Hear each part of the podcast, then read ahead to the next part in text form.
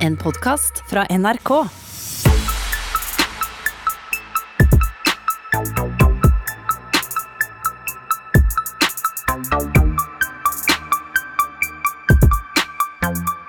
Ok, velkommen til Røverradioen. Dette er en ekstraordinær sending. Pga. sånn eh, verden har blitt, så er det ikke ekte røvere som eh, prater akkurat nå. Det er Det er Martine Rand som er eh, redaktør i Røverradioen. og eh, produsent Joakim Myhre. Men eh, vi står da utafor det svære, gule bygget som er Oslo fengsel. Fordi når vi plasserte oss akkurat der hvor eh, røver Christian og røver Ole har celle. Ja, vi har prøvd å selge oss akkurat der de kan se oss. Ja. Og det som denne sendinga skal handle om, det er noe litt annerledes enn eh, det vi pleier å høre på Røverradioen. For vanligvis så er det jo de eh, innsatte som klager på Ikke klager da, Joakim, som okay. forteller om hvordan det er i fengsel. Ja, Ja, ok. ja. Men denne gangen så er det betjentene.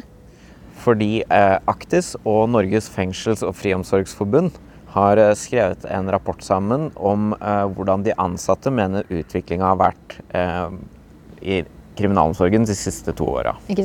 Så i denne sendinga skal vår eh, røver Simen, som har sluppet ut fra fengsel for flere år siden, han skal snakke med Aktis og disse betjentfolka eh, på kontoret vårt på utsiden.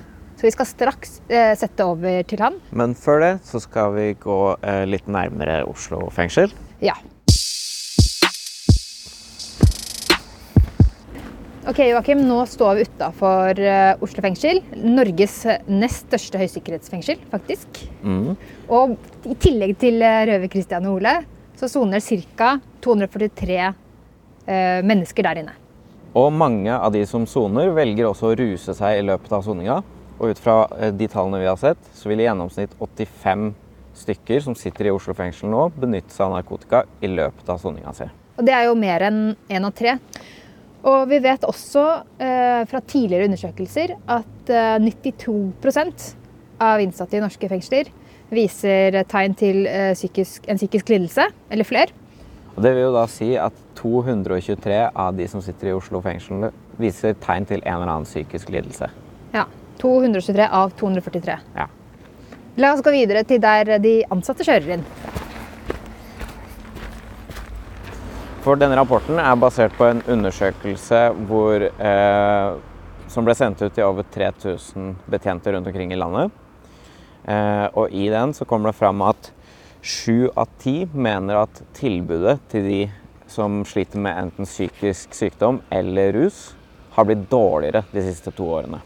Og det er det de ansatte selv mener. Ok, skal vi bevege oss eh, bevege oss videre til der eh, man slipper ut når man eh, har sittet inne, Ja. ferdig sona. Og her er det da eh, masse kameraer. Og så er det selvfølgelig skiltet hvor det står Oslo fengsel. Altså midt på denne svære grå muren så er det en grønn metalldør. Og det er her de kommer ut når de løslates. Ja, så så de aller fleste som slipper ut, går ut her med en søppelsekk, og så er det å klare seg sjæl. Og mange som har sona dommen sin her i Oslo fengsel, har havna her pga. rus. eh, Og har et problem som de har opprettholdt under soning, og som de må møte når de kommer ut. Og det var en studie som ble gjort for noen år siden, som tok for seg alle som har blitt sluppet ut fra fengsel mellom 2000 og 2015. Ja, alle sammen. liksom. Ja. Og da øh, fant man ut at øh, 85% av alle dødsfall som skjer første uka etter løslatelse, skyldes overdose. Og det er faktisk ganske mange også som dør i løpet av den første uka. Eh, og poenget er at det er et veldig kritisk tidspunkt eh, for de løslatte, hvor de trenger støtte. Og det er jo et eh, tankekors når eh, eh, disse betjentene som jobber her, bl.a. her i Oslo fengsel, opplever at tilbudet i norsk kriminalomsorg har blitt verre de to siste åra. Så nå skal vi straks heldigvis gi ordet til eh, røver Simen. Ja. Hvor er det han er hen? Han er på G26, som er et tilbakeføringssenter eh, her i Oslo. Som ofte er det første eh, stedet man drar etter at man kommer ut av fengsel. Så vær så god, Simen. Eh, ordet er ditt. Innsatte i norske fengsler lager radio. Du hører Røverradioen i NRK P2. Ifølge en undersøkelse gjort av Aktis og Norsk Fengselsforbund, NFF, kommer det fram at tre av fire ansatte mener at kvaliteten i arbeidet for å klargjøre til liv etter soning har blitt dårligere de to siste årene. Er det virkelig sånn at det er vanskeligere å komme ut av fengsel nå enn for noen år siden? Jeg heter Simen Iskaret Larsen og satt selv i Oslo fengsel i 2015 til 2016. Før det så var jeg mangeårig rusmisbruker og sprøytenarkoman. Eh, vi sitter i, på møterommet i G26 fordi studioet vårt er for lite til å eh, opprettholde koronatiltak. Og med oss på link har vi Asle Aase, så lyden blir nok litt blandet kvalitet der. Pernille Husby, du er generalsekretær i Aktis. Kan ikke du kort forklare hva Aktis er? Aktis er en paraplyorganisasjon eh, med 34 eh, medlemmer. Hvor vi jobber med å forebygge og begrense skadene av alkohol, narkotika og pengespill. Og for oss er fengselsproblematikken viktig, fordi vi vet at det er mange som går inn der med store rusproblemer. Og at vi håper at vi kan få til en bedre kriminalomsorg og mer helsehjelp i fengsel, sånn at flere kan lykkes med livet etterpå. Asle, kjapt hva NFF er? Eh, Norsk fengsel- og friomsorgsforbund er et eh, forbund som eh, i 2018 feira 100 år. Etablert for å organisere ansatte som jobber i datidens fengselsvesen. Nå heter det da kriminalomsorgen. Og vi har selvsagt som oppgave å ivareta medlemmenes lønns- og arbeidsvilkår men vi er eh, også veldig opptatt av at vi har soningsmiljøer, at vi har soningsformer og at vi har soningsinnhold. Eh, for å sette de som kommer inn, eh, i litt bedre stand når de kommer ut. Pernille, mm. dere har gjort en undersøkelse sammen med NFF. Hvorfor det? Jo, det vi vet er jo en del om folk som skal inn i fengsel. Og så vet vi ganske lite om det som skjer i fengslene, vi som ikke sitter der. Eh, så der eh, tenkte vi at, eh, at det er interessant å høre noen av de som Stemmene fra noen av de som jobber der. For å høre hvordan de opplever hvilket helsetilbud f.eks. de innsatte har. Ehm, vi vet jo at antall rusmestringsplasser f.eks. er få. Det er 162 på alle de fengslene vi har. Eh, og så har vi noen stifinner. Altså det fins forskjellige tilbud. Eh, men vi har jo et inntrykk av at det ikke er eh, god nok kapasitet. Og det fikk vi de ansatte til å svare på en del spørsmål rundt. Og fikk jo egentlig det veldig tydelig bekrefta, at de opplever at tilbudet til de innsatte er altfor dårlig. Hva mener dere er de viktigste funnene i undersøkelsen? Særlig det her med, med hva slags helsetilbud som, eh, som, man opplever at de innsatte har. Jeg syns det er oppsiktsvekkende at det er sånn tre av fire av de innsatte som ser at, ikke, at, man ikke får det helsetilbudet som man har rett på. Som en vanlig borger i Norge så har vi rett til helsehjelp. Eh, og med den eh, kunnskapen vi har om de helseproblemene som folk sitter med i fengsel, så burde jo egentlig tilbudet være enda bedre der og føles enda mer tilgjengelig. Eh, og det, så spurte vi også om hvordan dette har utvikla seg de siste åra. Eh, og da hadde vi jo vi, vi, vet så mye, og vi har snakket om dette ganske lenge. Likevel så sier de som jobber i fengsel, at dette er blitt dårligere. Uh, I tillegg så sier de også at antall, uh, altså muligheten de har til å gi meningsfullt innhold i, i, i dagene på, i fengsel, er blitt dårligere. Og det også vil jo også virke inn på hvordan innsatte har det. Uh, så totalt sett så syns jeg det gir en veldig nedslående bilde av hvordan livet i fengselet er, er nå. Asle, hva mener du er de viktigste funnene i undersøkelsen? Ja, undersøkelsen forteller oss at uh, vi har mista mye verktøy. Uh, ikke for å prate for mye om penger og folk i det programmet her, men det er ingen tvil om at, uh, at helsetjenestene må oppgraderes for å ha enda mer ressurser inn mot å jobbe med det her. Og så må vi ha folk der ute til å følge opp folk. Snakke med dem. For at endringsarbeid tar tid. Det er ikke, gitt, det er ikke gjort på én dom som regel å få til endring. Og så er det ettervernet. Når du skal ut igjen. Hvordan det følges opp. Altså Vi gjør et godt stykke arbeid inne, men vi kunne gjort mye mer. Og rapporten sier dessverre det vi har sagt, og som var grunnen til at vi også samarbeidet med Aktis. For vi hadde samme målsetning opp mot politikerne. Eh, det var å jobbe for å bedre eh, vilkåra, bedre tilbudet. Og Aktis og vi er jo heldigvis enige om én ting. Eh, for lite verktøy, for lite programvirksomhet, for lite rusmestringsenheter og for lite folk og for lite penger. Hvordan er det å være fengselsbetjent i dag kontra for noen år tilbake? Eh, ja, altså en fengselsbetjents oppgave i dag er jo veldig variert. Eh, dere vet jo at vi har et Hovedmålet vårt er jo å eh, sikre samfunnet mot at, de, at ikke de rømmer, unnviker seg straffen. Og så er dessverre fokuset nå blitt eh, eh,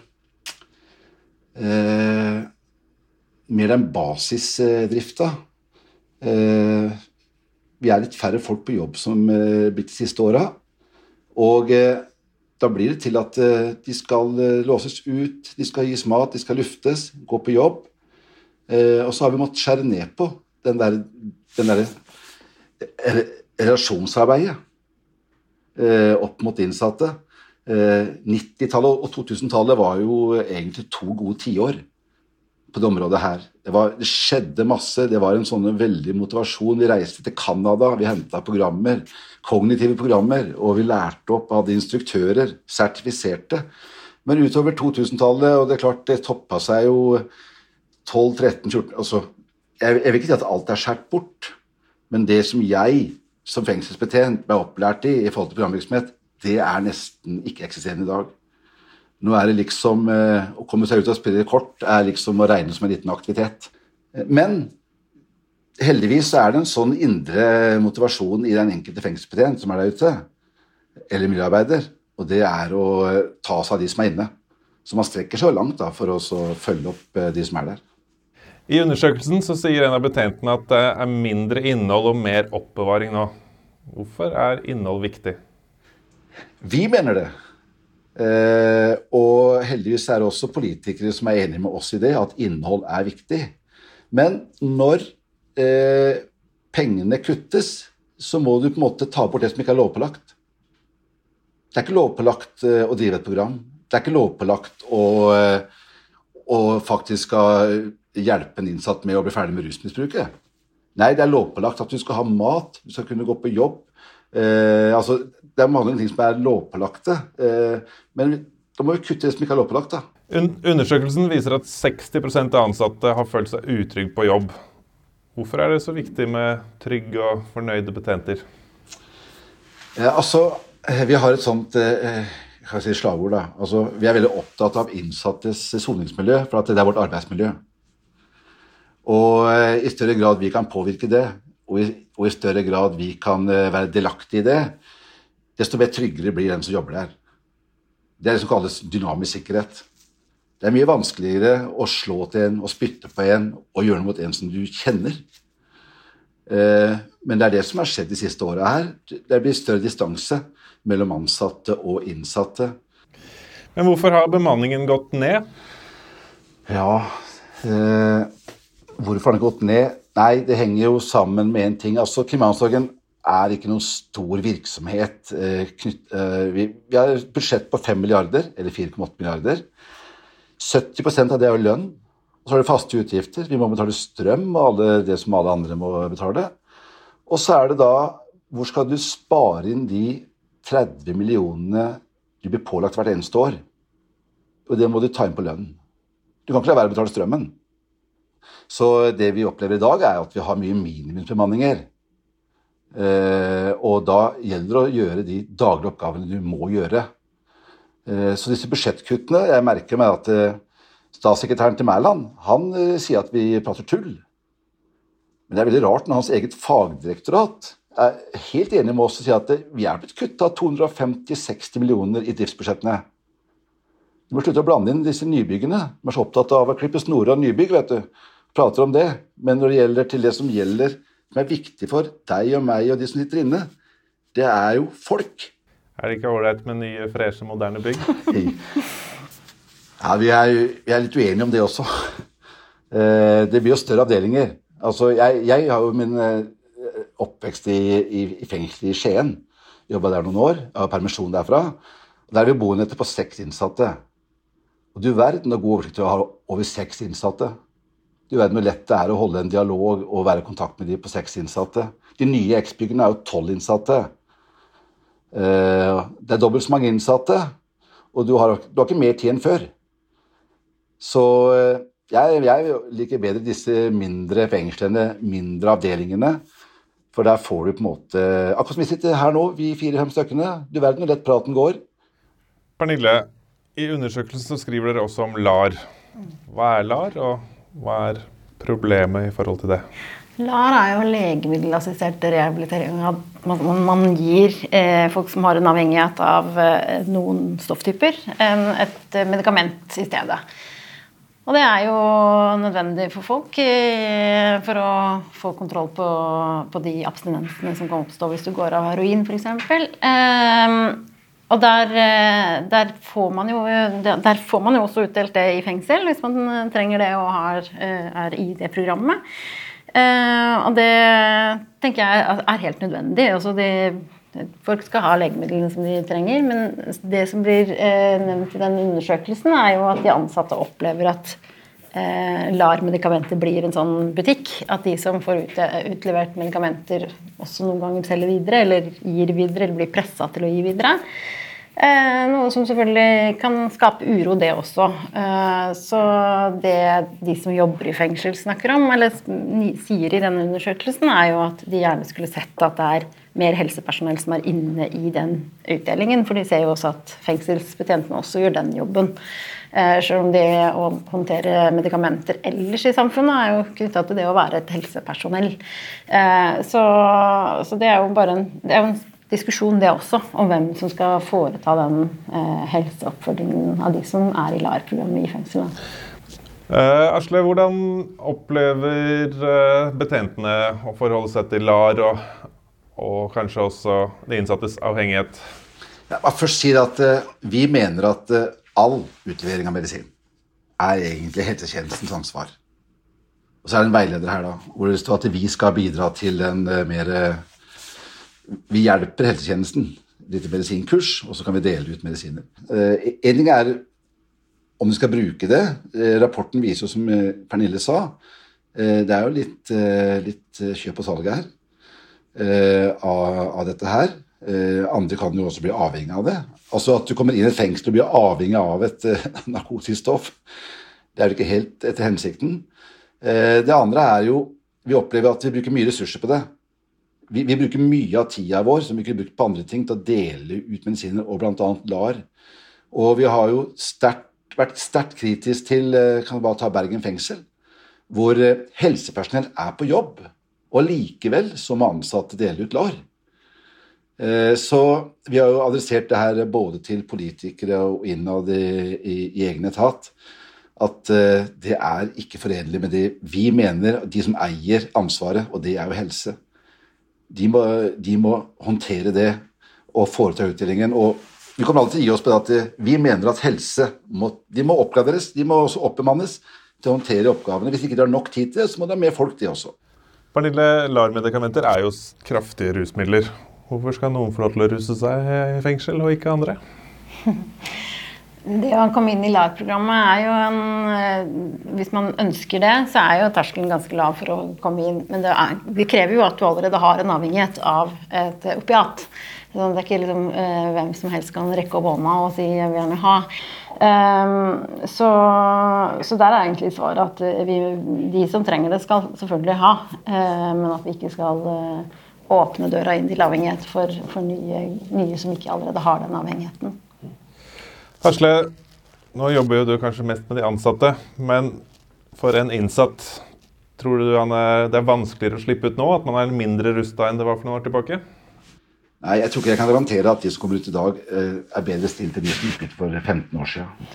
Og det som er, Hvis jeg kan legge til litt, så er det jo, virker det jo som det er veldig avhengig av fengselet, ressursene, hva som er satt inn der. Og noen åpner jo for at man kan ha frivillige organisasjoner og bistå med i den overgangen. Eh, som er fra man er inne til man kommer ut. Og det er så eh, tilfeldig, da, virker det som, eh, om man får eh, det, den, den liksom hjelpa på vei ut, eller man ikke gjør det. Og det kan jo være kjempeavgjørende, det å ha en bolig, et sted å bo med, med noen som tar deg imot, og ha en avtale, liksom, ha, ha, folk man kan møte og kan bidra til å starte opp igjen. Eh, jeg vet ikke om dere har sett, men den Petter i fengsel, den Petter uteligger som var innsatt i fengsel en periode, der ble jo det ekstremt tydelig at uh, han, hadde, han, snakket med folk som var så motivert, så klare for å, å klare seg, og klarte å slutte med, med de avhengighetene de hadde. og liksom, hadde virkelig lyst. Og så kom de ut og hjem til noe som ikke var noen ting. Det var liksom hjem til mor og i kjelleren og eh, egentlig rett ut i det samme miljøet. Ikke noen fra kommunen som støtta opp. Du sto der rett ut i helga hvor hvor den motivasjonen du egentlig hadde, var fryktelig Det er lett å forstå at det gikk som det gikk. Men eh, det er, det er sånn forferdelig dårlig gjort når du ser eh, hvilken liksom, innstilling de hadde om mye, mye, jobb som var gjort i fengselet. Og så kommer du ut, og så uh, ryker det med en gang. Og det, det kan jo For noen er det jo akkurat den fasen som er den mest avgjørende også for F.eks. overdosedødsfall. Det er jo der vi ser de hyppigste liksom, overdosetilfellene. Hvor folk har gått av eh, de rusmidlene de brukte før, og så ryker på fordi de tror man kan tåle like mye som før. Og det gjør man jo ikke etter så langt avbrudd. Og den undersøkelsen sier jo også at kvaliteten på tilbakeføringsarbeidet, når uh, Asles uh, kolleger uh, svarer da, at det arbeidet er blitt svekka de siste to åra, vi spurte om den tidsperioden.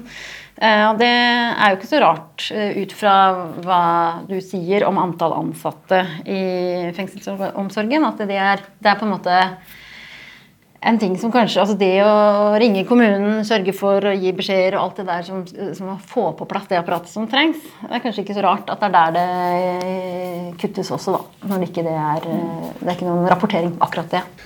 Har vi fortsatt verdens beste kriminal kriminalomsorg i Norge?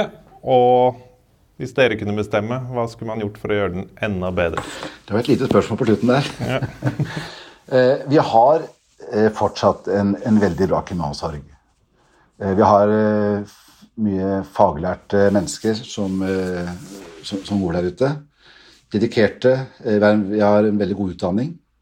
Men jeg vil si at det bildet av Norge som verdens beste kriminalomsorg, det, det former litt.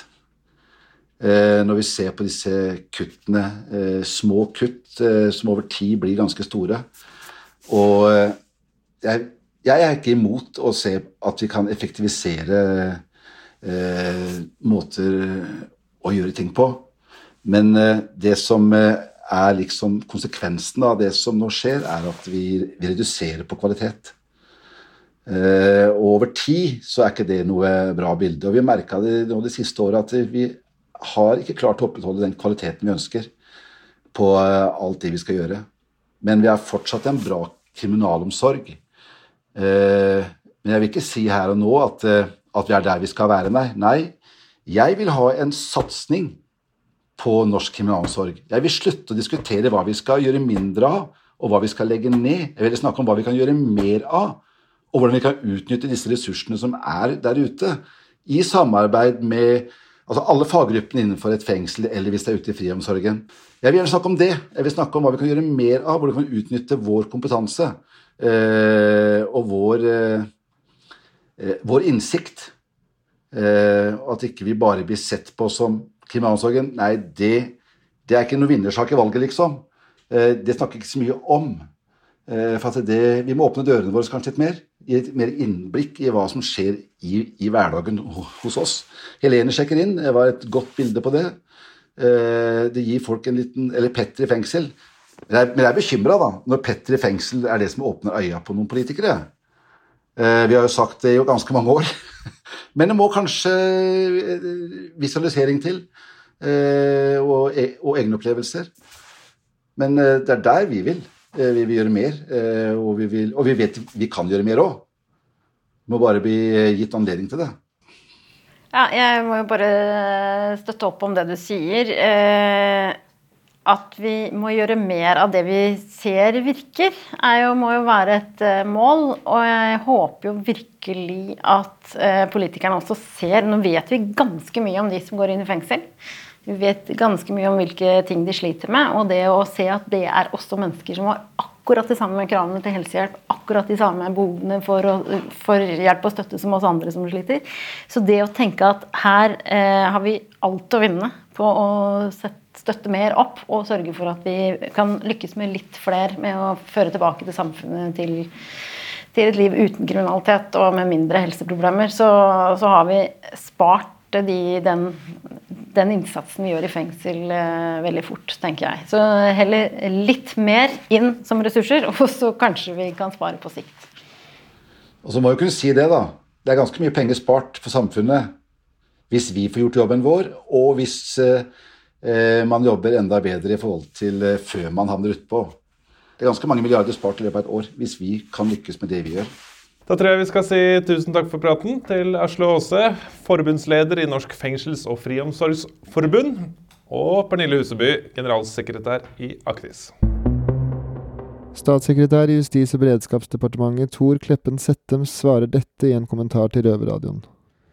Kriminalomsorgen skal legge til rette for at helse og andre samarbeidende etater kan gi innsatte den hjelpen de har behov for og krav på. Det er et overordnet mål for kriminalomsorgen å redusere tilbakefall til ny kriminalitet og få flere domfelte tilbake til utdanning og arbeid. Derfor har regjeringen arbeidet for en mer rehabiliterende straffegjennomføring med vekt på innholdet i soningen. Et av områdene det har blitt satset på, er nettopp at innsatte og domfelte skal få behandling for sin rusavhengighet. De siste årene er det bl.a. bevilget betydelige midler til nye stifinnerenheter, utvidelse av narkotikaprogram med domstolskontroll og ny avrusningsenhet i kriminalomsorgen. Det er også bevilget midler til økt bruk av straffegjennomføring i rehabiliteringsinstitusjon etter straffegjennomføringsloven paragraf 12. NFF kritiserer at regjeringen er opptatt av å klippe snorer. Utfordringen er at kriminalomsorgen i dag har mange gamle fengselsbygg som ikke legger til rette for fellesskap og aktiviteter. Nye fengselsbygg legger til rette for nettopp det, og gir derfor bedre forhold for både innsatte og ansatte. Røverradioen har vært i kontakt med Helsedepartementet, som ikke vil kommentere saken. Innsatte i norske fengsler lager radio. Du hører Røverradioen i NRK P2. Ja, Da er vi tilbake her utafor Oslo fengsel med utsikt til uh, røverne våre. Eller cellevinduene deres, da. Så vi er i nærheten av røverne. Ja, vi, har, vi står og kikker lengtende inn. Så vi bare sier takk til uh, Simen og hans flotte gjester fra Aktis og Norsk fengsels- og friomsorgsforbund. Og så er røverne tilbake neste uke. Heldigvis ikke Joakim og jeg, som er ansatte i Røverradioen. Og, og da kan dere som vanlig høre oss på NRK P2 søndager klokken 20.30. eller når, hvor du vil på podkast. Så lenge du ikke sitter i fengsel, for da har du ikke tilgang til internett. Da vinker vi opp til eh, røverne som sitter inne på cella si i Oslo fengsel. Og så vinker vi ha det til deg som hører på. Ha det! Vi ser det ikke, men vi vinker ha det. Røverradioen er laget av innsatte i norske fengsler, tilrettelagt for streitinger av Klynge for NRK. Du har hørt en podkast fra NRK. Hør flere podkaster og din NRK-kanal i appen NRK Radio.